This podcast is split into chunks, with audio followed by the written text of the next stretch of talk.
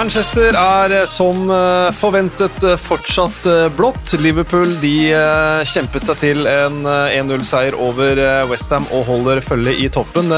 Ingen lag går bedre i kampen om topp fire akkurat nå enn det Arsenal gjør, og det er ledet på mange måter av vår egen Martin Ødegaard også. Det er veldig, veldig gøy. Chelsea de slo tilbake og slo Burnley med 4-0. eller så ser det ut som at dette midtsjiktet av tabellen vokser.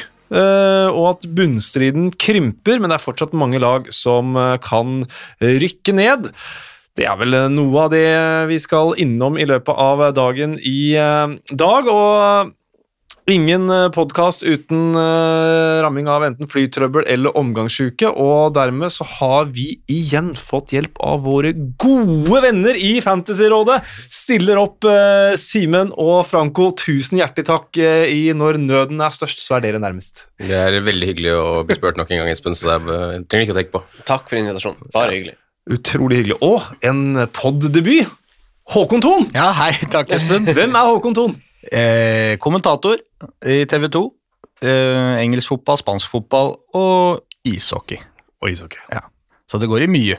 Og, noe, og noen landskamper innimellom. Og, Og noen landskamper, ja, Andorra og litt San Marino. Ja, blitt til Aserbajdsjan og Georgia. Kasakhstan. Ja, de, gode, de gode kampene. Ja, Der hører de- du meg. De eh, gode kampene. Veldig hyggelig å ha deg her, eh, Håkon. Vi kan begynne i Manchester. Begynne aller først med å gratulere Manchester City med ligacuptriumf.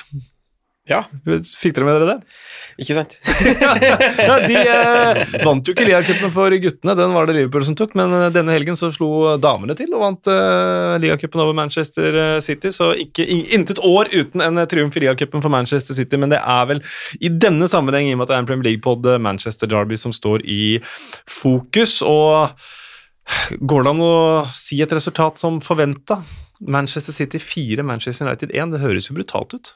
Det høres brutalt ut, og det så ganske brutalt ut, for å være helt ærlig. I hvert fall den andre gangen uh, var ikke mye, og, mye de røde stilte opp med. Altså. Det, det var ganske tynt, men mm, jeg hadde på en måte litt forhåpninger kanskje på at det skulle få en, noe, noe mer offensivt uh, kraft fra, fra United, og jeg syns egentlig man så tendenser til det i første omgang, men eh, det ble fort borte, altså. Ja, Førsteomgangen den var eh, ifølge Ragnhild eh, bra, og den så jo greit ut også. Fikk også en utligning, men eh, til syvende og sist så Vi skal snakke om andre gangen til Manchester City veldig veldig snart, men hva er inntrykket ditt av Manchester United etter å ha sett dette her, Håkon? I denne kampen, eller generelt? Ja, altså, jeg syns det er veldig vanskelig egentlig å felle noen sånn uh, kjempeklar dom. Altså, dette var jo det var fryktelig dårlig av Manchester United, det var det. Men jeg, jeg, liksom, Roy Keane sier at City trengte ikke engang å være på sitt beste. Men jeg syns City var ganske gode i denne kampen. også. Jeg syns ikke Manchester United bare var dårlig. Det var ikke det som var på en måte sluttsummen her. Det, eh, City spilte en veldig god kamp, og om 4-1 var et rettferdig resultat Ja, City kunne kanskje skåra enda flere, på en måte.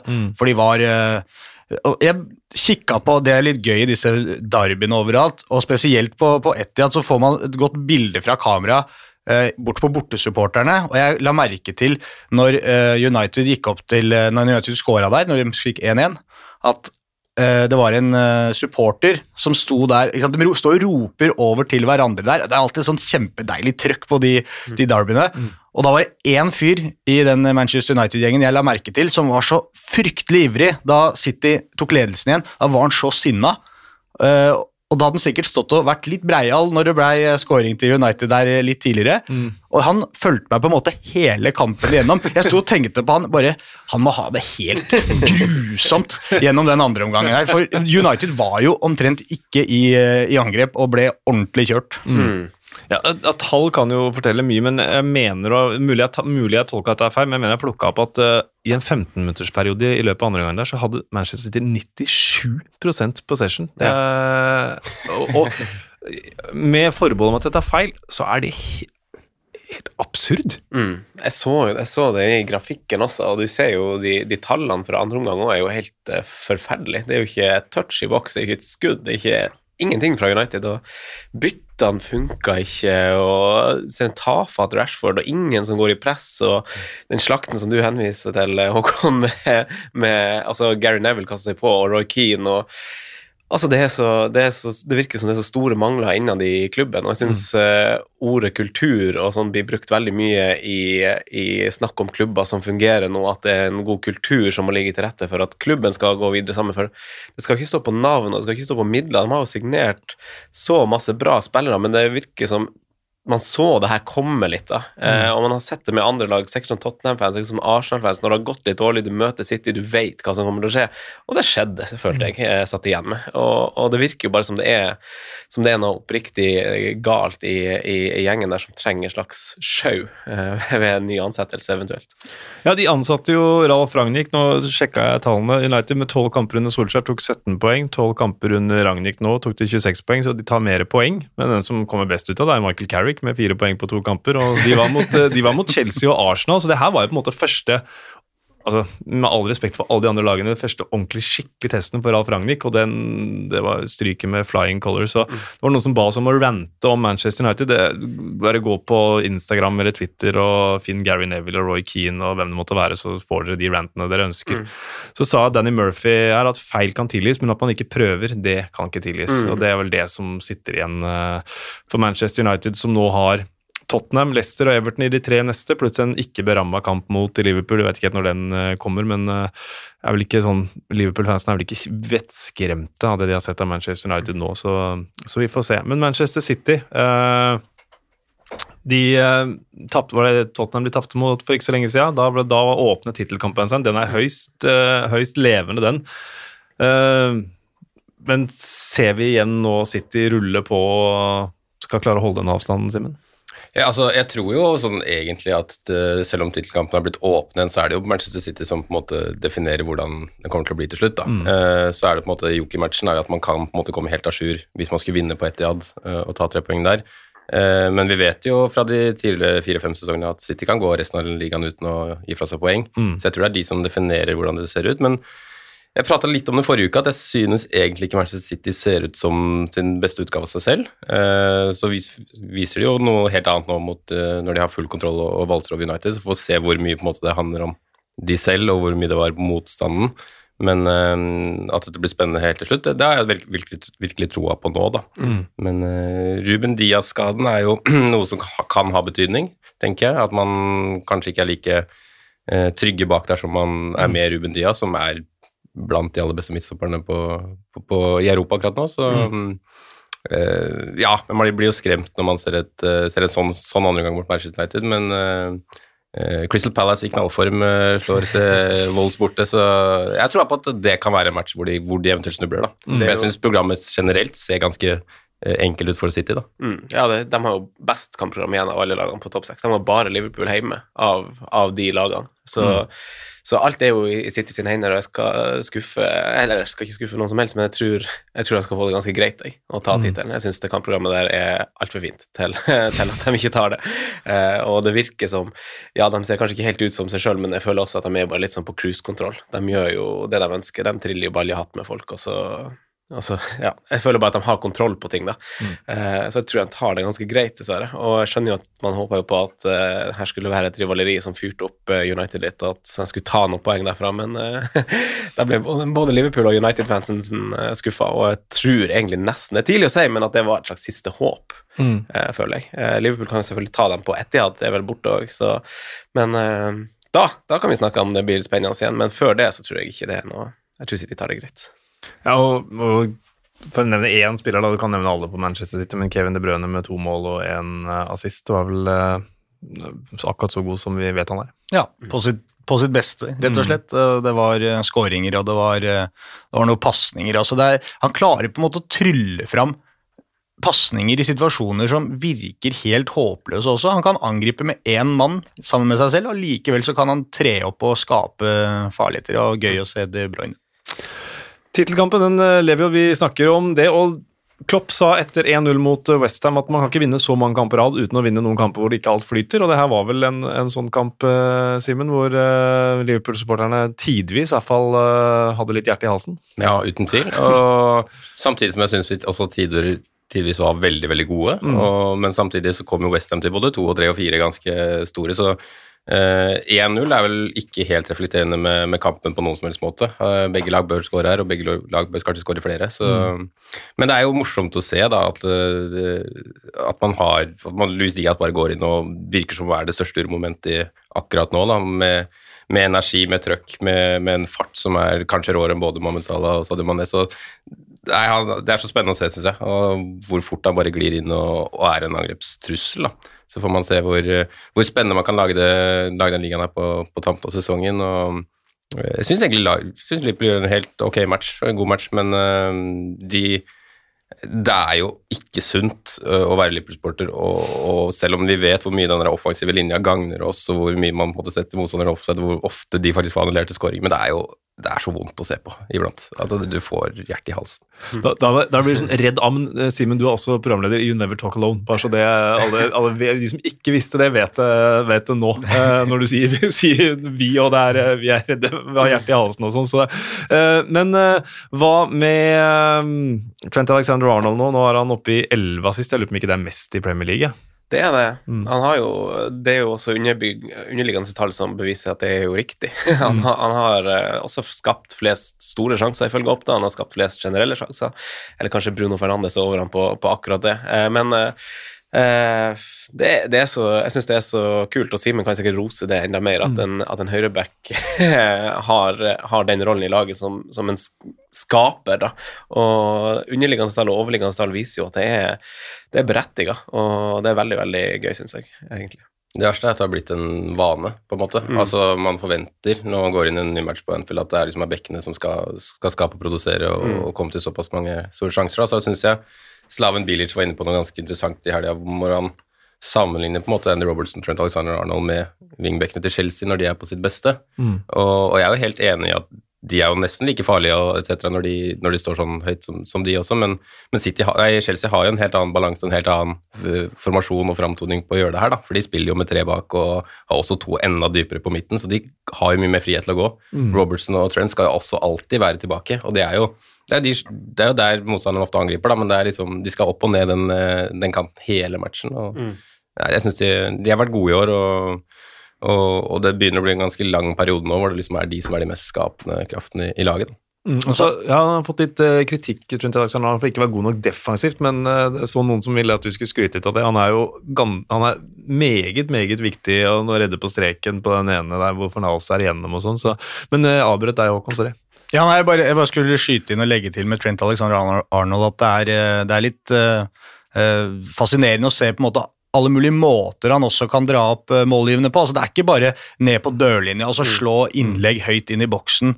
Det er høyt i banen, lavt i banen. Det er eh, den som han hadde nå, på en måte som nesten ser ut som et eh, forsøk på et skudd, men som han trer liksom fram til eh, Mané. Det er, det er så mange måter han også klarer å, å, å finne medspillerne sine inn i, inn i boksen der på. Det, også Robertson selvfølgelig til en viss grad, men nå har jo Arnold vært enda et knepp hvassere enn han denne sesongen på akkurat den biten. De er forskjellige på akkurat det der, da, for Ja. Robertson er jo den som egentlig bare opp og ned og liksom kommer til innlegg, mens uh, Trent definerer jo på en måte en ny type back. Mm.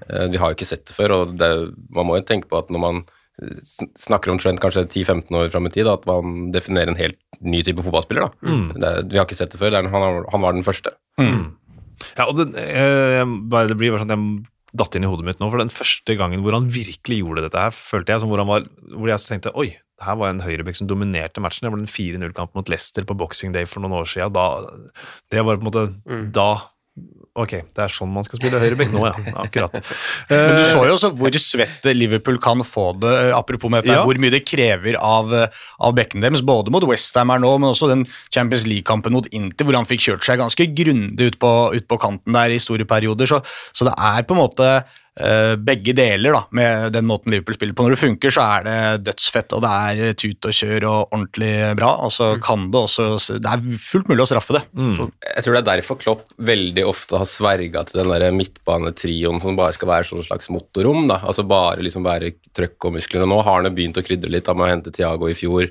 Nå prøver han å bruke Harvey Elliot, som spilte den inter, eh, intermatchen, og kanskje eh, ikke hadde sin aller beste dag på jobben, så blir man litt sånn overrumpla og, og kan bli enkle å kontre på. da. Mm. Eh, men man ser det jo også ofte nå når man prater litt om at Trent er så dårlig, eller dårlig at han har, har noen svakheter defensivt, da. men flere og flere lag begynner å angripe på Lippels venstre Mm. eh, og utfordre Robertson mer, og jeg tror det er like så mye du kan hente der, egentlig, for å være helt ærlig. Jeg tror ikke eh, jeg tror ikke det er så nødvendigvis at det er defensive svakheter, jeg tror det har med, med mentalitet og at det er så høyt framme at det er rom der, ikke at han og han er så dårlig defensivt. Westham ligger jo fortsatt på uh, sjetteplass med sine 28 spilte kamper. uh, tre poeng bak Arsenal på fjerde nå, uten Declan Rice i denne. Likevel så klarer de å produsere en god del muligheter. Det er jo, vil jeg si, er et styrketegn for Westham, selv om de Nå har ikke jeg kampprogrammet helt i hodet, det er kanskje dere bedre enn på meg, for vel, det er vel noe Excel-ark og sånn som skal, skal inn der. Hvem skal, hvem skal inn på Bowen og alt mulig sånt nå? Men Westham, Franco, David, David Moyes sa at de hadde store sjanser til å begynne med. Eh, eller at Liverpool hadde store sjanser til å begynne med, for han ble spilt opp på dette her med at dere kunne jo fått ned noe. Han var sånn ja, let's be fair. De hadde noen fete sjanser først, så han var ikke noe sånn eh, veldig nedbrutt. Og 0-1 på Anfield og har spilt en god kamp, det er jo, det er jo bra. Ja, jeg tror også de skal ta med seg et, et godt resultat. Og Simen nevner det jo også at de hadde jo mulighetene til å skåre. Og, og vi vet jo at eh, sjansene, om de hadde noen i det hele tatt, uh, før kampen blir jo atskillig kutta ned når Declan Rice er ute. Altså blir mister de Bowen også. Uh, det virker jo som de er på en litt nedadgående spiral. Westham litt Kanskje det er det tette kampprogrammet med en litt liten tropp som tar dem, tar dem litt igjen. De får litt skader her og der. Antonio har sett skada ut, nei, unnskyld, eh, litt sånn sliten ut ganske lenge, egentlig, eh, på topp. Og, og man, jeg tror man bærer litt preg av litt slitasje, kanskje. Og så tror jeg timinga egentlig er ganske dårlig, fordi Westham har egentlig nå helt greie kamper før de på tampen av sesongen de, de, altså Tre av de siste fem kampene tror jeg er mot Arsenal og Chelsea og et par eh, sånne lag. Altså. Mm. så jeg tror at de har mista momentumet nå, eh, kan gjøre litt skade for det håpet de hadde om en topp fire-plassering. da, og, og det ville jo også ha vært en veldig stor overraskelse og bra hvis de hadde fått til det, med tanke på at de har hatt europaspill og, og er med i de her cupene i tillegg og, og skal komme langt i dem. Så, så, så tror jeg ikke det er så rart at, at, eh, at eh, man får en liten dipp. Det tror jeg ikke. Men uh, for all del en, en ganske god opptreden på Anfield. Det syns jeg egentlig. Ja, Hvis du skal inn topp fire, så bør man jo egentlig klare å spa ut ett poeng av den kampen her. Og uansett hva Liverpool skapte i denne kampen, når Lanzini står aleine på seks meter og blåser ballen over, på en måte, det, det er nesten ikke mulig å få en større mulighet. Så, så det, er, det er lov til å føle seg allikevel litt skuffa etter den kampen som en Westham-supporter. Mm. Ja, jeg tenker det med, med tanke på hvor store sjanser de faktisk skapte, da. Så er det sånn at man skal forvente å ta poeng. Det er på en måte noe annet, men man bør i hvert fall skåre i hvert fall én, kanskje to i den kampen her, da. Mm. Så, er, så er det jo jevnt over også. altså Hvis Westham altså De kom var det femte- eller sjetteplass forrige sesong, og sånn som tabellen ser ut nå, så, så er mulighetene for europaspill neste sesong også veldig sterkt til stede. og Da har man jo etablert seg i det sjiktet der med to sesonger på, på rappen. Så, og Sevilla vel i uh, Euro- Europa League nå, så jeg, jeg tror ikke det er så mange tårer på London Stadium uh, akkurat. Eh, hvis det er tårer på Emirates, uh, Franco, så er vel det gledestårer, for uh, der går det godt om dagen. Det gjør jo det. Omsider så gjør det det. Eh, eller ikke omsider, det har gått bra en stund. I vinter har vært, vært veldig, veldig fin. Og, og jeg er jo en glasset halvfullt type supporter, har alltid vært veldig positiv eh, til, til prosjektet. og eh, litt tilbake til det vi nevner med Roy Keane. Sånn, han, han ga jo litt sjelden ros til Arsenal, han gjør jo aldri det, vanligvis. Og, og igjen, så drar, når Roy Keane drar opp eh, et sånn altså kultur og treningskultur og gruppekultur, og hvordan sånne ting skal fungere, så skjønner du på en måte at ok, det ligger noe i det her. Og, og det er jo åpenbart det Arteta har, har prøvd å skape nå over tid, og tatt noen upopulære avgjørelser som har vist seg å lønne seg med, med Aubameyang og en rekke andre spillere, ikke sant, som hadde det gått vest, så, så hadde jo han fått fyken tvert, ikke sant, men så, men så funker det, og du får ut og får fram gutter som, eh, som saker. han så ting i Ødegård, fikk ganske masse kritikk for det, folk vil ha James Madison i sommer, ikke sant, hvorfor signerer du Ødegård, liksom, vi kan få James Madison for 70 millioner pund, og så, og så og, ja, ikke sant? Og, og, alt han gjorde, ble liksom kritisert, da. Og, så, ser du hva han ser i Ødegård, og, Ariles hadde jo et veldig fint intervju, leste det på, på flyet på vei hjem fra, eller på vei hjem fra nord i går. Eh, veldig fint intervju med, med Ødegaard som trekker fram liksom, detaljene i, i coachinga hans på de minste tingene. Og, og når Ødegaard trekker, trekker fram en liten ting som han lærer meg hvordan jeg skal bue løpene mine bedre Hvordan i alle dager buer du et løp bedre? Altså, sånn, det er så masse detaljer på hver eneste spiller, og det er så viktig for Arteta å sette den riktige kulturen. og Jeg syns det gjenspeiles veldig. Én ting er prestasjonene, men du ser jo også hvordan spillere uttaler seg til media. Du ser hvordan de feirer Smith Roe-feiringa mot Tottenham i, i, høst. Gabriel Martinelli sin feiring nå. Mm. Det betyr så sykt masse, og det er så masse glede, og du ser at det er oppriktig. da, og, og det er åpenbart noe digg på gang, fordi det jeg syns alle bortekamper i Premier League er, er tøff, så jeg er ekstra glad hver gang det tas tre poeng på bortebane. og så jo, Nå plages jo United, da, men å plages mot Roy Hodgson er, er, det flere som har gjort. Så jeg var bare å skåre tre mål og ta med seg en borteseier og, og bare være to poeng foran United med tre kamper færre spilt nå, føles veldig, veldig godt. ja, 3-2 eh, på Vicarage Show borte mot Watford. Altså, vi, vi, skal ta de, eh, de målene, om ikke tur og orden, så Hvilket, er, hvilket av Arsenal jeg må spørre deg, Franco, hvilket av de tre målene er din favoritt av Arsenal-mål? Uh, vet du hva, jeg tror kanskje første til uh, første til Ødegaard er det tøffeste. Mm, det, det, likte jeg best, og, og, da er det jo kanskje fordi at det er Ødegård òg, og, og, hvordan uh, det har gått med han den siste måneden. Det er jo hans eneste avslutning i kampen, og, men involveringa i det veggspillet i, i forkant er, er, er, så fint, og bare liksom det blikket og sånn han har visst i det siste, er sånn man Han ble jo sammenligna med, med referanse til Ariles igjen litt med Øsil og sånn av enkelte fans, uh, bare at han har en ekstra dimensjon i det defensive. Mm. Uh, svarer jo ganske ydmykt på det, men du ser jo glimter av det samme, da. At, uh, at, han har et sånt blikk som ikke alle ser, som vi på TV-en kanskje ser, og så blir det sånn Å, dæven, det var kult å se. Mm.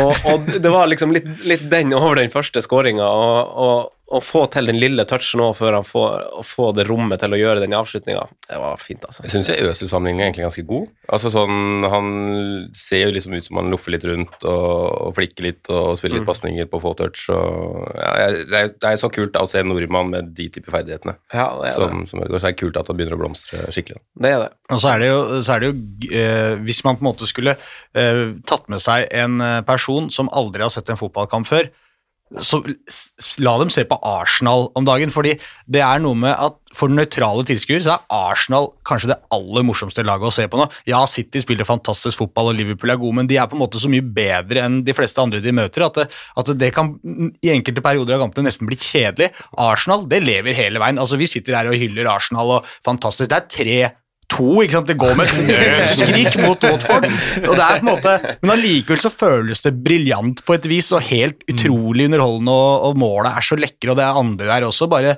bare den stilen, på en måte. Litt sånn der Arsenal uh, har jeg alltid sett på som en stilfull klubb. da, ja.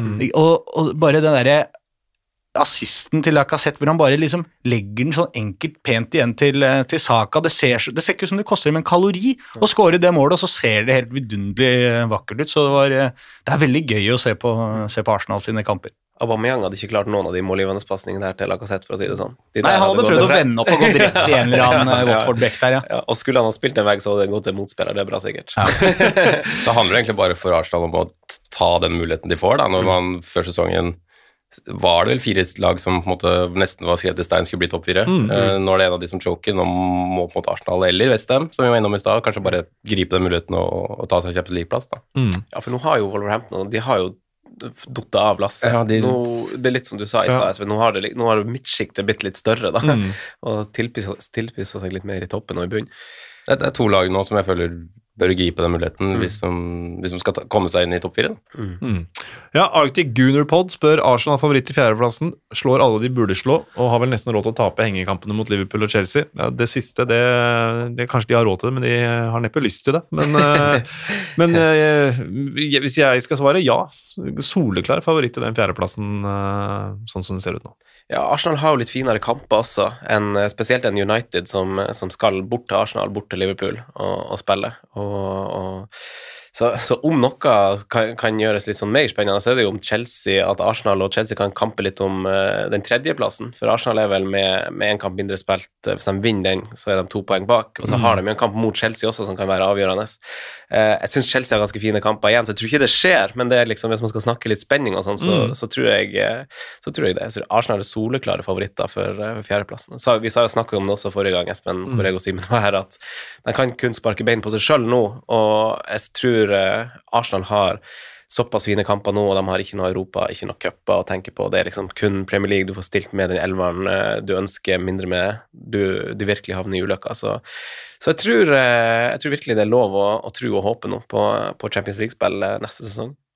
Kort om Watford. 19 poeng. Det er bare tre poeng opp til Everton, men nå er det jo tre kamper mer spilt for, for Everton, nei, for Watford også. Totalt sett så var Roy Hodgson fornøyd spillemessig, men en høy pris for et par uh, feil. Uh, ser vi at Hodgson og Watford kan komme ut av ulykka, Håkon? Uh, det er et vanskelig spørsmål, syns jeg. Ja, ja, jeg er helt enig. Det er derfor jeg ikke Men om de kan ja, selvfølgelig. ja, selvfølgelig kan de det. Ja. Men om jeg tror det Nei. Nei det, det gjør jeg vel egentlig ikke.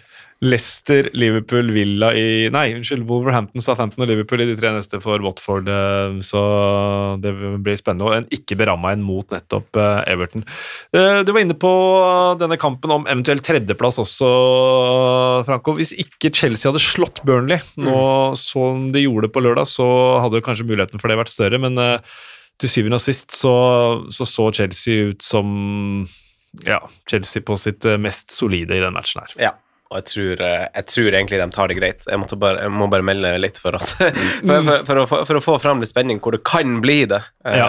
Så det vi glemte å nevne kanskje i stad, er jo Tottenham er også åpenbart med i topp fire-kampen fortsatt, og har jo også egentlig ganske fine kamper igjen. og vi har, Det er jo det som er litt kult, da vi har en del av de her lagene som skal møte hverandre på tampen. Chelsea, Tottenham, Arsenal og, og United, som spiller imot hverandre, som kan skape ny spenning. Men Chelsea de eh, har jo kontroll på det der. Men man skal jo ikke kimse helt av å spille på ulike fronter og hva fokuset blir og, og litt sånne ting også, da. Jeg tror Chelsea har innsett på en måte at uh, Premier League-toget har gått, og så mm. går man kanskje all in for, for FA og Champions League, da.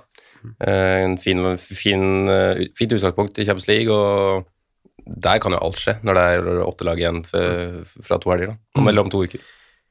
Så hadde de jo Chelsea Reece James uh, tilbake nå, da. Det er jo veldig viktig for dem, med både scoring og målgivende i denne kampen. her. Det var jo en litt rar kamp, dette òg, for uh, Burnley var ganske gode egentlig første halvtime i denne matchen, her, og så bare kollapsa de ja. mm. rundt, rundt, pause, egentlig. Mm. På hvert fall etter pausen der så var det jo fullstendig meltdown, og alt plutselig rant inn. Men det at de har Reece James tilbake nå, er jo, er jo veldig fint for Chelsea, da. Mm. kan ta det før uh, Burnley-kollapsen, for nå snakka vi mye om Trent Alexander Arnold i stad, ja. og du nevnte jo Reece James da også, Simen, og vi, vi, ser jo hva en, en god wingback, høyreback, kan utrette. Ja, det er, de er veldig Jeg prata litt med Frank på vei hit, at jeg syns Eh, når Chelsea får uh, tingene i sitt spor, og de klarer å etablere det høye spillet sitt, så syns jeg de er fantastiske. Når de mm. først klarer å liksom posisjonere seg høyt og, og ligge med den backtreeren uh, ganske solid, uansett hvilke, av de to på midten man har, selv om jeg er klart svakest på Kovacic på den posisjonen der. Jeg syns mm. han er helt fantastisk. men men når de bare, egentlig bare vrir, fra bekk til bekk og, og, etablerer seg på toppen her, og så med tre spirrevipp på topp, så er de farlige, altså. Mm. Det er det. Og spesielt Reece James, men også egentlig Marcus Alonso Chilwell, når de er på andre siden, hvor de ligger på den her på kanten av K16, og forsvareren vet ikke helt hvem de skal ta, ta vare på. Skal, skal, du støte eller ikke? Det er det som skjer nå. Altså, ingen som støter noen gang på James, så kan du ta skuddvinter fram og tilbake fram og mm. tilbake da, helt til du kommer nærmere målet for å skyte. Mm. Så nei, de er veldig gode, de wingbackene til Chelsea også. Så. City har en som er omtrent like god også, så det er ganske mange gode wingbacker i Premier League nå. Altså. Ja, da antar jeg det er Cancelo du ja. Eh, du tenkte på. Ja. uh, Burnley her, altså I første omgang så var de tett oppe i alle situasjoner. Nathan Collins så ut som Ben Me, og så i andre omgang så, så Nathan Collins ut som Kevin Long, og da, da gikk det ikke lenger. Uh, så John Dye sa det, vi mista det grunnleggende i sju minutter i andre omgang, og the basics, som Dyche alltid prater om, det er jo å jobbe steinhardt, komme seg mm. foran, bla, bla, bla. Uh, apropos Dyesh, kan høre et intervju med han som Helge laget, det anbefaler jeg. Men uh, Burnley de, uh, de, så jo veldig solide ut, og så har det gått to sure tap nå mot Leicester og Chelsea, så obs, obs. Det um, er ikke helt, uh, ikke helt på oppadgående lenger, Burnley. Et lag som eh, fortsetter å imponere under eh, ja, ny eh, manager og ny eier, uten at vi skal gå inn på det i dag, det er eh, Newcastle. Eh, nå er det, har de ikke tapt siden før jul, altså. 2-1 over eh, Brighton. Eh, det her er jo et tog som ruller inn i en ny Premier League-sesong, slik jeg ser det. i hvert fall. Jeg vet ikke om dere tenker det Jeg tenkte jeg skulle kontre med det at det ser ut som de har, har festa den plassen, plassen, og i hvert fall med den kurven de har. da. At liksom, Jeg tror de kommer til å plukke på poeng eh, brukbart framover, og så ser vi de, eh, kanskje dessverre, neste år i Premier League også, med tanke på eierskap og alt som kommer til å skje der framover. Og det er jo det, de, eh, de møter jo et veldig tafatt Brighton, da. Der har jo lufta virkelig gått Ja. ut av ballongen. Er det, er det femte strake tapet eller noe sånt? Ja, fjerde eller femte nå, ja. ja. ikke sant. Det er jo kjempe... De er, de er vel plutselig nedre halvdel og, og et lag som bare det lekker som missil, de greiene der. Jeg vet ikke, jeg nekter å tro at det er tapet av Dan Burn som gjør det, men, men eh, det er jo veldig skuffende, eh, egentlig. For vi liker jo å se på Brighton, og vi trodde jo kanskje at de skulle etablere seg som et slags si, si topp åtte, topp ni-lag, da. Eh, så de har en, en liten jobb å gjøre på tampen nå, hvis ikke vi skal bli litt skuffa. Det er et lag som det er liksom litt kult å like, pga. Graham Potter og måten de spiller fotball på og sånn, så ja, det er litt, det er litt synd. Enig i det. Graham Potter litt sånn uh, Eddie Howish. eh, Nå altså vært linka til en del store jobber eh, og sånt nå, så får han disse dippene innimellom som, som kanskje gjør at de største klubbene mm, vegrer seg litt for å eventuelt ansette ham. Men vi sier det samme uke, uke ut og uke inn om Brighton at eh, ja, nå må de begynne å plukke litt poeng igjen snart, da, så vil de uansett styre mot sin beste Premier League-sesong noensinne. Men eh, jeg har også sett Brighton-fansen være litt utålmodige i fjor høst og sånn, så ja, vi får se. Men Bjørn Vestblad han er en uh, ihuga Newcastle-supporter og er veldig veldig flink til å sende inn innspill. Han mener, spør om kan, kan Dan Burn få en blomst eller ukjent helt eller et eller annet. Vært helt sjef bakover etter at han kom inn. Eh, og så Dan Burn juble på den 2-0-skåringa. Det, det var ikke en spiller som uh, brød seg veldig om at han spilte mot sin gamle klubb. Her spilte han for uh, den klubben han er mest glad i. Jeg har litt sans for det. Altså. Jeg syns det der uh, ikke juble mot gamleklubben har gått for langt. Det er vel sånn alltid at uh, så lenge du skårer sjøl, så skal du roe ned, men så lenge en annen på laget skårer, så skal du ta fullstendig av uansett. Så Ja. det er jo liksom Jeg er helt enig.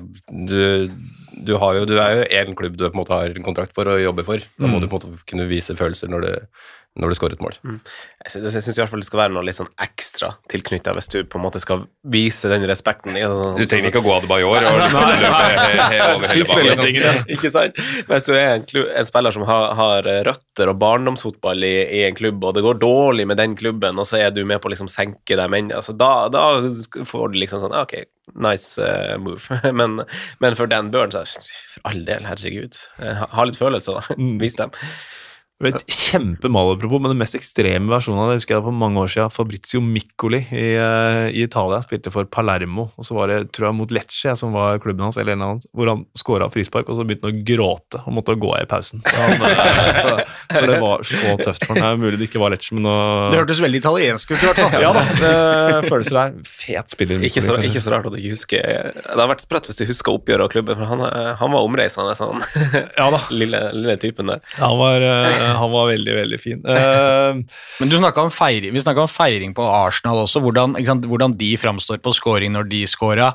Uh, Burns her, og, og så har du uh, Sancho i det Manchester Derby når han scorer, som er liksom fryktelig slappe greier. ja. Så det er, det er liksom, som vi snakka om der også, den derre Hvem på en måte er det du ser for deg skal score et mål der for Manchester United, og så bare miste det fullstendig? Sancho skårer jo et fint mål, og bare Det ser ut som det er dagligdags for den, ikke sant? og det er jo på ingen måte. Så jeg savna på en måte litt punch og trøkk i den feiringa hans der også, da, for å vise at dette faktisk betyr noe, men Jeg går vel kanskje på gammelklubb der òg, da. Vel, jo, men, eh, ja, men det er jo enda vagere. Det er jo nede på akademinivå. ikke sant? Så, og det, var ikke, det så ikke som det var noe sånn respektfull feiring heller. Det var Nei, bare, nei, det var det ikke. Nei, det var bare dette. Jeg er liksom så god at dette var ikke det spor problem for meg å sette den i mål, og vi er på riktig vei her, og så var de jo ikke det i det hele tatt. Det var litt sånn cocky, ja, er enig Ja. Men så husker jeg jo Tror det var Aston Villa-kampen hvor de skårer helt på tampen Nei, det kan det ikke være. Westham, kanskje. Ja, En eller annen kamp på Old Trafford hvor, hvor United skårer helt på tampen, og da er det jo fullstendig gal Mathias Senner på, ved hjørneflagget der. Det er vel Kavani som legger inn, Ja. og, Mm. Og Bruno Fernandes og Alex Telles der er jo helt nydelig å se på. Har ikke vært involvert i skåringa, men tar jo fullstendig av på, på cornerflagget. Så det- det, var, det er veldig kult å se sånt. da. Det er jo sånne ting man vil se. Altså, Ja, sånn, ja. Det er jo sånn du connecter med fans Ja. nå, føler jeg. At du får den der eh, euforien og, og, og det greiene der. Jeg er så lei. altså Noe av det verste jeg ser, er jo spillere som feirer og som kan være så kul, ikke sant? Altså sånn det er Benteke-tramping, idiot. Vi blir så- så- som viser noe litt glede, da. altså sånn, dra med det publikum. Bruk muligheten, skap noe momentum. Det er jo det man koser seg med. Og så blir man jo litt rørt òg når man sitter, sitter fjernt og ser det på TV-en. Det irriterer meg å se Ja, kule, kule fotballspillere. I hvert fall når det er 1-0 og på overtid. Altså det er viktig skåring, liksom. Altså er det 4-0, så kan du ta en Danny Ings nå som Ok, sorry. Men eh, viktig skåring må feires, altså. Eller kjøre litt banter i sånn Vardy-stil òg. Det er også litt stilig. Bare nå skrur opp lyden litt. Ja, på, på 5-0 må du da, på 5 og 4-0 da må du finne på noe gøy. på en måte. Da, Ja, ja. da er det lov å dra seg litt, men det trenger ikke være kjedelig selv om det er 5-0. på en måte. Nei. Prøv å komme med noe ikonisk, eller eh, eller kjør Balotelli-variant, eller et eller annet.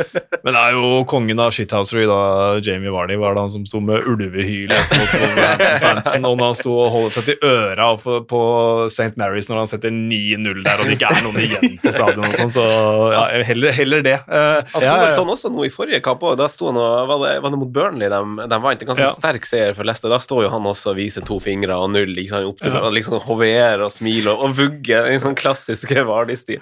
Det er veldig artig. Eh, Det rare er at jeg tror veldig mange supportere, altså bortefans eller altså motstanderfans av Leicester, setter litt pris på det, nesten de også. Altså, fordi det er Jamie Vardy, han, han er så veldig Jamie Vardy at man er det en fyr du ikke blir sånn ordentlig forbanna på når han driver med det ellers, så er det kanskje han.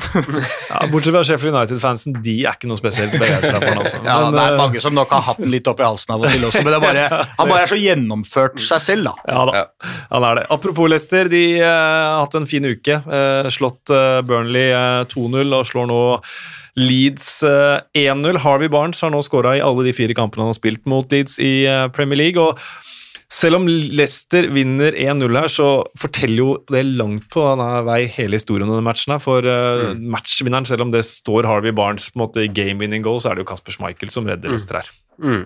Helt enig. Jeg så, jeg så den kampen, og jeg så forrige kampen til Leicester også mot Burnley, hvor jeg syns Leicester var ganske god igjen. Og så tenkte jeg ok, nå får de kanskje en litt bedre innspurt og, og, og klarer å pynte litt på, en, eh, på det som blir en skuffende sesong. Samme hva. Eh, da var han ganske god mot Burnley, og så nå så syns jeg jo heller man, det var litt motsatt, som du antyder, Espen, at eh, nå så Leeds ut som et nytt lag eh, under, under Jesse March. Ikke elsker han Bielsa, det er ingenting imot han, men at det, at det var noen som skulle spille for en ny trener, eller hva som var årsaken, er jeg litt usikker på. Men Leeds var i hvert fall det førende laget i, i store deler av den kampen, og var nok det, de føler seg nok litt skuffa som sitter igjen med tap etter den kampen der, fordi det Kasper Schmeichel gjør en eh, kjempe, kjempe, kjempekamp. Ja, og apropos Ikke apropos, nå sier jeg apropos veldig mye, men Leicester de har klart å komme seg opp i det der midtsjiktet som jeg nå har utkrystallisert, er fra 8 til 13. Wolves, Southampton Palace, Villa, Leicester og Brighton. Uh, sånn som du sier, Franco, de har hatt en skuffende sesong, men de har jo Europa Conference League å å kri- å kjempe om, så det kan bli trofé på King Power Stadium i år også. Hva skjer om man vinner den? Får man Ja, du- får, for trofé. Ja, du får et trofé. Og altså. raketter og Får du Europa League neste sesong, da? Ja, det gjør du. Du får plass i Europa League. Ja, okay. Fordi det er, eh, det er nemlig um, Liechtenstein, altså Liechtensteins vei inn i Champions League. Ja. Den går via altså Det beste laget i Liechtenstein de spiller ikke i ligaen, så de må da vinne eh, en annen Liechtenstein Cup, og så må de komme seg til Europa Conference League, så må de vinne Europa Conference League, og da komme til Europa League neste sesong, og så må de vinne Europa League, og da kan Vaduz spille Champions League. Ja. Så Det er bare å glede seg. Hvordan, hvordan, hvordan seriespiller var du si? eh, De spiller i den sveitsiske ligaen, så det er, men det er, du har Liechtenstein Cup for Ja. å få én inn i Europa. Ja. Eh, så ja, du kan få et trofé, og du kan få en plass i Europa League. Uh, i, uh, der. Det blir ikke noen trofeer på Leeds denne sesongen. Jesse Mar Jesse, Jesse Marsh, han eh, sa etterpå at han var mer opptatt av poengene enn nei, the performance and the points. Det er jeg ikke helt sikker på om eh, fansen er helt enig i, men jeg tror ikke vi skal felle noe dom over Leeds under Marsh enda. Men eh, du var inne på det, Franco. De så mer, mer solide ut. Jeg syns det. Eh, det var bare eh, ikke noen spesielle navn jeg kan trekke fram i Leeds som, som bare gjorde en eh, ekstremt god kamp, men kollektivet syns jeg bare fungerte veldig mye bedre. og og de har jo veldig veldig store sjanser i den kampen som de bør omsette, og da spesielt uh, Rafinha, som jo har uh, Vi har vært veldig glad for å ha i Premier League i de sesongene han har vært i Leeds, og er jo en fargerik spiller som, som alltid når han har ballen, er en av de morsomste å se på i Premier League, for han kan kjøre ball i hatt med, med de fleste. Men uh, foran mål så syns jeg man må få lov til å være litt kritisk til han, fordi jeg syns ikke det er første, og det blir heller ikke siste gang, hvor vi, hvor vi ser at der, der, der, funker det ikke helt akkurat liksom den siste greia. Og han burde jo ha sendt eh, Leeds i ledelsen også i den kampen her, mm. som i så mange andre, syns jeg. Mm. Helt enig. Mm. Og Leeds med Aston Villa, Norwich og Wolverhampton i de tre eh, neste, så det kommer eh, tøffe oppgaver for eh, Jesse Marsh eh, framover. Men spennende valg, da. Veldig spennende valg. Han er den tredje amerikanske manageren i Premier League. Og da skal jeg bare holde den i tre sekunder mens jeg spør dere hvem er de to første. Så kan uh, lytteren også få lov til å tenke to sekunder. Og det er jo han eh, Skalla som har hatt landslaget. Ja, Marty Bradley, ja. Bradley. Fra Stabæk til uh, Swansea. Ja. Swansea det jeg satt og tenkte på hvem man skulle hatt. Ja. Elleve ja, kamper, 85 dager, så det var, det var ikke, det var ikke han var artig å høre i pressesonen, husker jeg. Var, det var artig å høre en amerikaner på For han var veldig sånn amerikansk i språket sitt. Han var den første. Den andre den er ordentlig tricky, for du tenker ikke på han som amerikaner. Nei, det var ikke det. Nei, er det sant? David Wagner. Han oh, ja. er ja, som var riktig. Huddersfield-manager. Ja, og nå nylig sa vel opp jobben sin i Krasnodar. Ja. Mm. ja. Så da, det var en kort eh, quiz der. en quiz til deg, Håkon. Hvem skåra hat trick på Carrow Road? Ivan Tony. Ja, det er det. Brentford vinner 3-1 eh, for stoppa Stop the Rot, som det heter i England. Hadde en, ett poeng på de siste åtte, og det er fortsatt rotten til Norwich, men uh, Brentford, da, med Eriksen fra start og Tony på hat trick, det er ja, altså Brentford fikk jo alt de kunne ønske seg i, i den kampen her. Det var en skikkelig ordentlig opptur, og Eriksen fungerte bra. Altså, skandinaviske duoen på dødball, selvfølgelig, ja. fra Eriksen på hodet til Ayer til uh, Tony. Det var jo veldig morsomt, syns jeg. Mm. Uh, så nei, kjempegøy med, med, Eriksen at han er i gang, og at han ser så bra ut også i, i Brentford umiddelbart. Altså, man snakka litt om uh, Louis Diaz i Liverpool, at det ser ut som at han har at han har vært i Liverpool veldig lenge fordi han mm. kler den klubben så godt. Det føles ut som at Christian Eriksen har vært ganske lenge i Brentford også. At han mm. bare rett inn og gjør akkurat det Brentford trenger at han skal, eh, skal gjøre. Så det, det, ser veldig bra ut for både han og Brentford nå. Jeg synes det var ganske, det var jo, Alle prata om hvor fin den overgangen var, med at det, alt som skjedde i sommer og sånne ting òg, men det er jo en, en, veldig god overgang av Brentford også, for man mm. vet jo kvaliteten til Eriksen der, og hvis man får den opp på ca. samme nivå, så er det jo den beste spilleren de har. altså sånn By far. Ja, kvalitetsmessig, da. Mm. Så, så, veldig viktig, selv om det var to straffer, at Tony bare fikk seg noen skåringer nå. At han bare kommer i gang igjen. Og så er det kanskje en type de har mangla. Vi har snakka om det i podkasten vår, Simen, i Fancyrådet, at, at Brentford har jo sett veldig god ut i høst og sharp ut som lag. Og så har vi Ivan Towney som påtok seg en rolle i Brentford som han kanskje ikke så for seg før sesongen, at han ble liksom altmuligmannen. Han skulle være den som skulle linkes opp med, han skulle være den som skårte mål.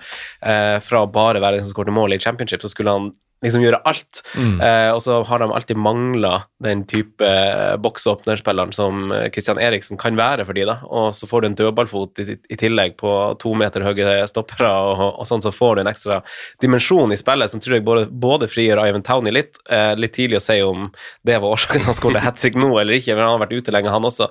Eh, men, eh, men jeg er enig med Håkon også at det kan jo være starten på en god innspill for Brentford. Det er vel første seieren deres på ti kamper, eller noe sånt, mm. så det er dødsviktig at de Eh, kommer på rett spor igjen nå på et så viktig tidspunkt av sesongen òg. Så, så, jeg håper jo og tror at, eh, at det kan være eh, mer Eriksen-magi å se i, i, løpet av årene, og det har vært kjempekoselig. Ja, det at Tony er tilbake også, er jo ikke sant, kombinert med, med, Eriksen her, er jo på en måte litt suksessfaktoren. Og, mm. og, så, og så var det noe Kanskje felle litt eh, bein på meg selv her med feiringer, men Ivan Tony han, han tar ikke helt an når han scorer, men, men, han kler det ja, på en eller annen enig, måte. Enig. Det er helt sånn, eh, også To straffer mot en, mot en såpass god straffekeeper som Tim Krohl, og like iskald på begge to. Bare tusler bort og banker ned i hjørnet utrolig stilfullt og, og, kult gjort av uh, Han har jo swag. Han er jo som en basketspiller. Ja, ja, ja, ja absolutt. Og han, han, eh, det er veldig interessant med straffen til Tony. Holdt på sånn i championship forrige sesong også. Han ser jo ikke på ballen.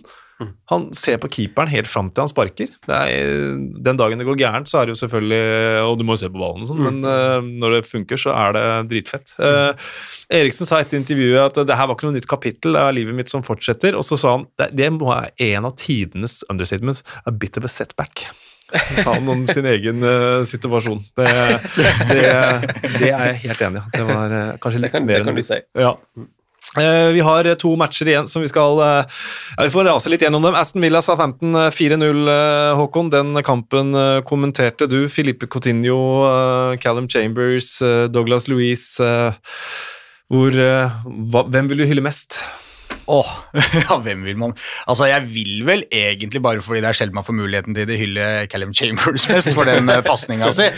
Og Douglas Lee som fikk lov til å trille inn et mål, det var vel over to år siden han sist hadde skåra et, så, så det var eh, det- var jo veldig stas, men, eh, men Coutinho var, eh, var fantastisk bra i den kampen her, og burde jo skåra Han, han burde ha skåra hat trick, han også. Han hadde så mange feite sjanser, men eh, ble bare én til slutt, da. Men eh, det er morsomt med, med Villa. De ser ut som en, eh, ser ut som en sånn Ser ut som Gerrard har gått inn for en sånn Diego Simione kind of football. For han det er veldig solid defensivt. De, de dytter ikke opp veldig masse eh, folk i angrep. Den kampen her også, La seg dypt fra starten. Slo langt på Ollie Watkins, som løp på alt mulig, og Danny Ings.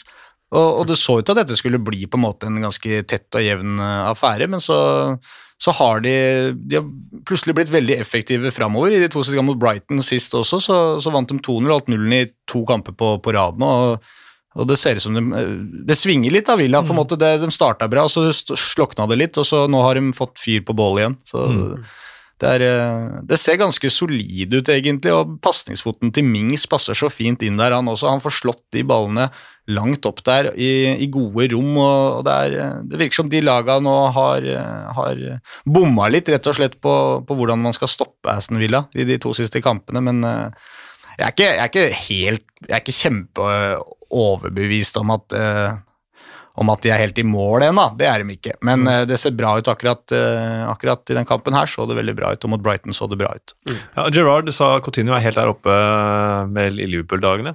Det, er, Ja. eh, det, er en, eh, det er en statement. Ja.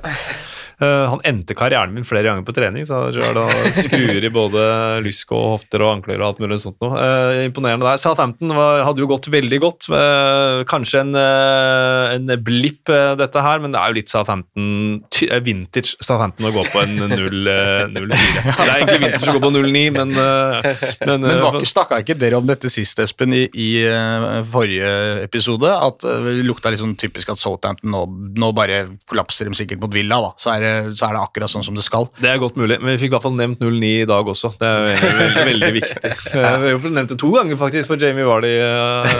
Men det er vanskelig for de lagene der nå. da, for Når jeg ser på liksom, tabellen, så tenker du liksom at uh, ja, Leicester har hatt en dårlig sesong. Uh, Leeds er kanskje skuffa, Everton har skuffa. Altså, det er nesten ikke mulig for noen av de lagene der å leve opp til forventning. For det er så Nei. mange som er så jevne. Og, og Southampton er kanskje det laget som faktisk leverer litt over forventning her. da. Absolutt. Ja, og man har en veldig god sesong på vei. Vi i Fansrådet tippa jo Southampton på, på nedrykk til sesongen her. Så jeg vil jo si at Southampton gjør egentlig en veldig god sesong. Ja. Ja, 100 eh, Newcastle, Watford, Leeds i neste. Jeg bare nevner det, for hvis de klarer å komme seg tilbake på et eh, vinnerspor, så, så er de, ender de sesongen på øvre halvdel, og det, det vil være en meget, meget eh, god sesong.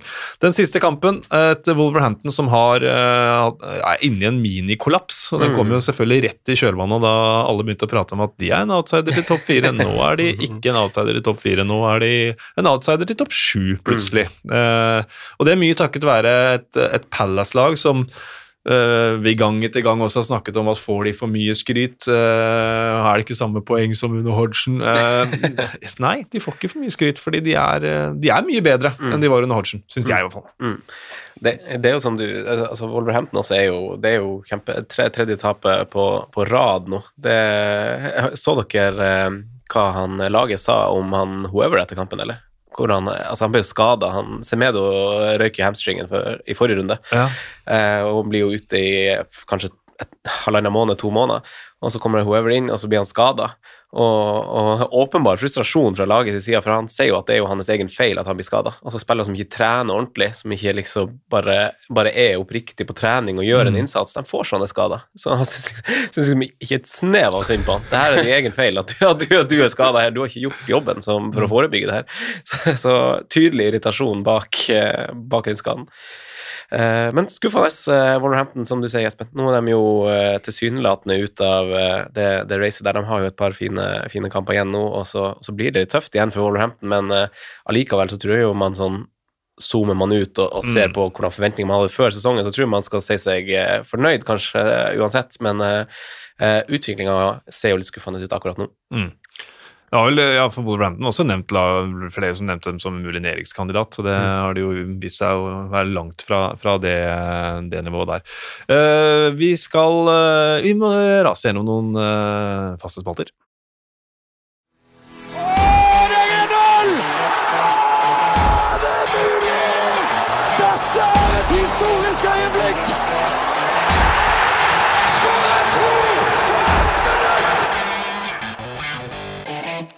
Yes, eh, kaktus. eh, det er jo da litt eh, negativ eh, utkrystallisering. Håkon, har du noen kaktuser denne runden her? Oh, kaktus Ja, det må vel kanskje Kanskje det må bli Chelsea-supporterne? Eh, ja. Som dro i gang Abramovic eh, eh, Altså støtte for Abramovic under Ukraina-markeringa mot eh, Burnley. Det var, eh, det var syltynne saker av Ja. eh, de blå gutta. Så det er vanskelig å komme utenom den, altså. Ja, samme. samme. Altså, du kan, du kan gi din støtte til Abramovic når som helst an, på andre tidspunkt enn akkurat da. Da kan du holde deg for god for det. Ja, Så- jeg så jo Thomas Tuchel var ganske misfornøyd etter matchen her også, når han Ja, ble ja. spurt om dette. og det, det er jo bra, det, i hvert fall, men det er liksom når han, når han står der etter kampen og sier at ja, vi som fotballklubb, vi, er, vi mener dette, og vi mener dette. Men altså, supporterne er en stor del av, av fotballklubben. Det er veldig viktig at han går ut og sier det, men på en måte at spillere og trenere på en måte er enige om at vi støtter Ukraina, det er én ting. Det kan godt hende altså, disse støtter Ukraina, det er ikke det, men det er timinga på det som er helt katastrofalt dårlig. da. Fullstendig tonedøvt. Uh, øyeblikket. Det er jo Jeg bare lanserer den her Eriksen Williams. øh, Ja. Den har fått mye oppmerksomhet når uh, Brandon Williams er i ferd med å klikke, og så ser han hvem som er der, så, å, så blir det en klem i stedet. Det er, det er, sånn, det er et ikonisk øyeblikk. Ja, er det, det er sånn forklaring på eh, at fotball er det viktigste av alt som er uviktig, på en måte. For du ser hvor rasende han er. Han, det ser ut som han er i ferd med å drepe fyren. Og han tar så ordentlig tak i drakta på han også.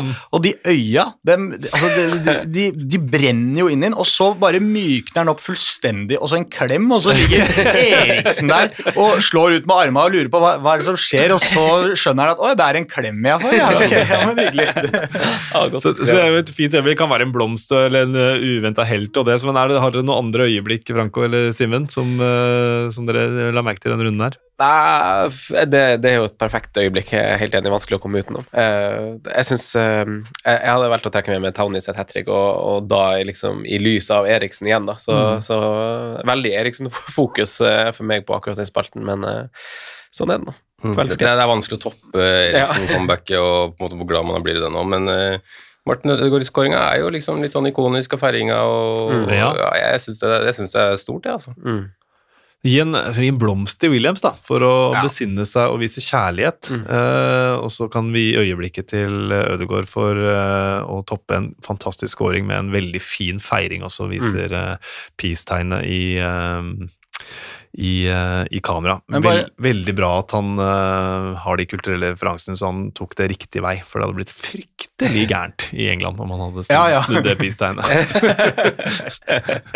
uh, bare, bare et apropos til den kampen din uh, med Ødegaard. At øh, øh, altså han, altså de to norske potensielle som kunne spilt denne kampen, King og Ødegaard, det var en kjempepositiv opplevelse for Ødegaard. Mens for King som ikke spilte, og hadde Cucho Hernandez inne, så ble det et kjempeminus, for Cucho Hernandez var ganske god for, øh, Ja, for den scoringen Det har vi ikke fått- snakket om. nevnt. Nei, jeg har ikke fått nevnt det, men dere får nevne saksesparket til Cucho Hernandez også. Men det, Ja, men jeg synes han. Ja, men jeg syns han var ganske god også, så, Ja. så det ble endte opp, på en måte opp som et stort minus for King, egentlig, at uh, i den Ja, hvor var King? Jeg som bare plutselig var ikke i troppen? Nei, han var skada. Ja, Mm.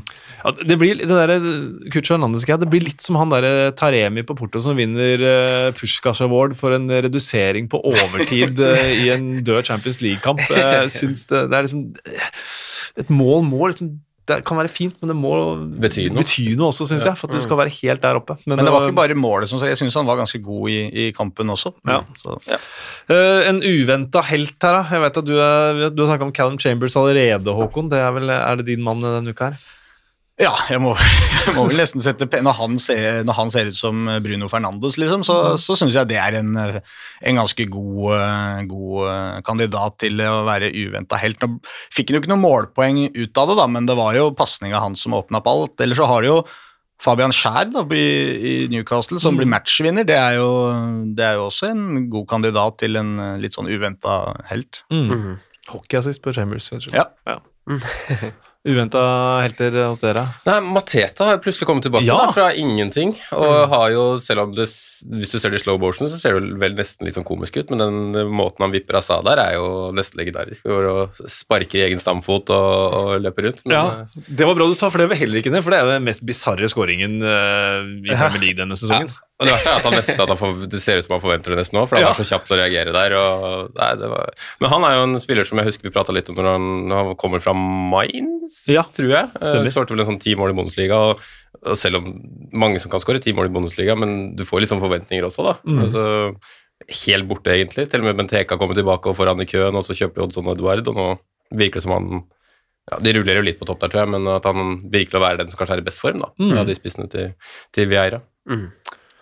Blir i, blir i stakkars Norwich, men eh, hos bortelaget og, og Ivan Towney, som fikk en kjempe, kjempefin eh, Ja. Tilbake Eller han kom jo inn i kampen før, da, men eh, start. Og Mm. så med et hat trick der og, og seier, som blir så viktig for, eh, for Brentford sin del. Mm. Tadrick var uventa, men jeg tror jeg lener meg litt på Simen her på Mateta. Synes jeg var Ja. en eh, good shout på den mest uventa helten og den mest ville skåringen. Eh, sånn ut fra forutsetningene. Eh, vi har én kamp i uh, kveld. Tottenham mot uh, Everton. Kjempeviktig kamp både i kampen om topp fire og nedrykkssiden. vi kan driste oss til et resultattips, tenker jeg, Håkon. Tottenham-Everton. Tottenham-Everton eh, 2-0. Franco. Det er jo to av de vanskeligste lagene å forutse hva som, hva som stiller opp. Eh, det er så høye, da, høye topper og dype daler, i hvert fall i Tottenham. Eh, Gå for 1-0 Tottenham. 1-0 Tottenham, så det er to på Tottenham her nå, Simen. Ja, da tar jeg Everton. Ja. 0-1-0 Everton. 1-0 Everton. Hvem skårer? Eh, oh, Anthony Gordon. Ja, riktig. riktig. Anthony Gordon blir matchvinner på Tottenham. Eh, jeg tror det blir eh, 2-2, jeg, selvfølgelig. Det er godt resultatet, det. ja, det er godt til resultatet. Uh, ellers er det uh, tre utsatte kamper på torsdag. Norwich, Chelsea, Southampton, Newcastle, Wolves, Watford og Leeds, eh, Aston Villa. Så mye nedrykksbasert og litt sånn topp sju, topp fire-basert i eh, Premier League denne uka her. Og så er det en ny runde til eh, neste helg. Da er vi også tilbake i kjølvannet av den. Men eh, for i dag så er vi ferdig. Da vil jeg takke Moderne Media for at de hjelper oss å produsere podden. Takke deg, Håkon Thon, for en eh, strålende debut. Var du fornøyd med, deg selv? Går du hjem med en god følelse? Å ja, jeg gjør vel egentlig det. Jeg, jeg kjente jo litt på at, eh, at uh, du slipper til unggutta her i dag. Viktig å levere da fra, fra start med en gang. Fra jeg, akademiet? ja, jeg følte jeg starta med et par sånne ryddige innsidepasninger, eh, støttepasninger, og, så, og så slapp jeg meg litt mer løs etter hvert, som man skal i sin første kamp, føler jeg. Veldig Luke Cundle på Wolves mot Tottenham. Jeg er helt enig. Ja. Du gjør en eh, så meget god, god match, Håkon. Franco og Simen, en uh, stor glede, og igjen hjertelig tusen takk for at dere tar dere tid her. For dere skal spille inn 700 podder i dag? Ja. Ja. Ja. 700 på det. Det blir, eh, det, det blir, eh, det blir fullkjør, ja. To Ja. til. I hvert fall for min del. Fantasyrådet og Og Ynta, Ja. hvor jeg faktisk har Franco som gjest, så det passer, passer veldig bra. Så dere har egentlig flytta inn her? Vi, Ja, vi, vi satt, satt opp telt utafor. Veldig, veldig bra. Takk skal dere ha, gutter. Takk eh, for at eh, dere lytter.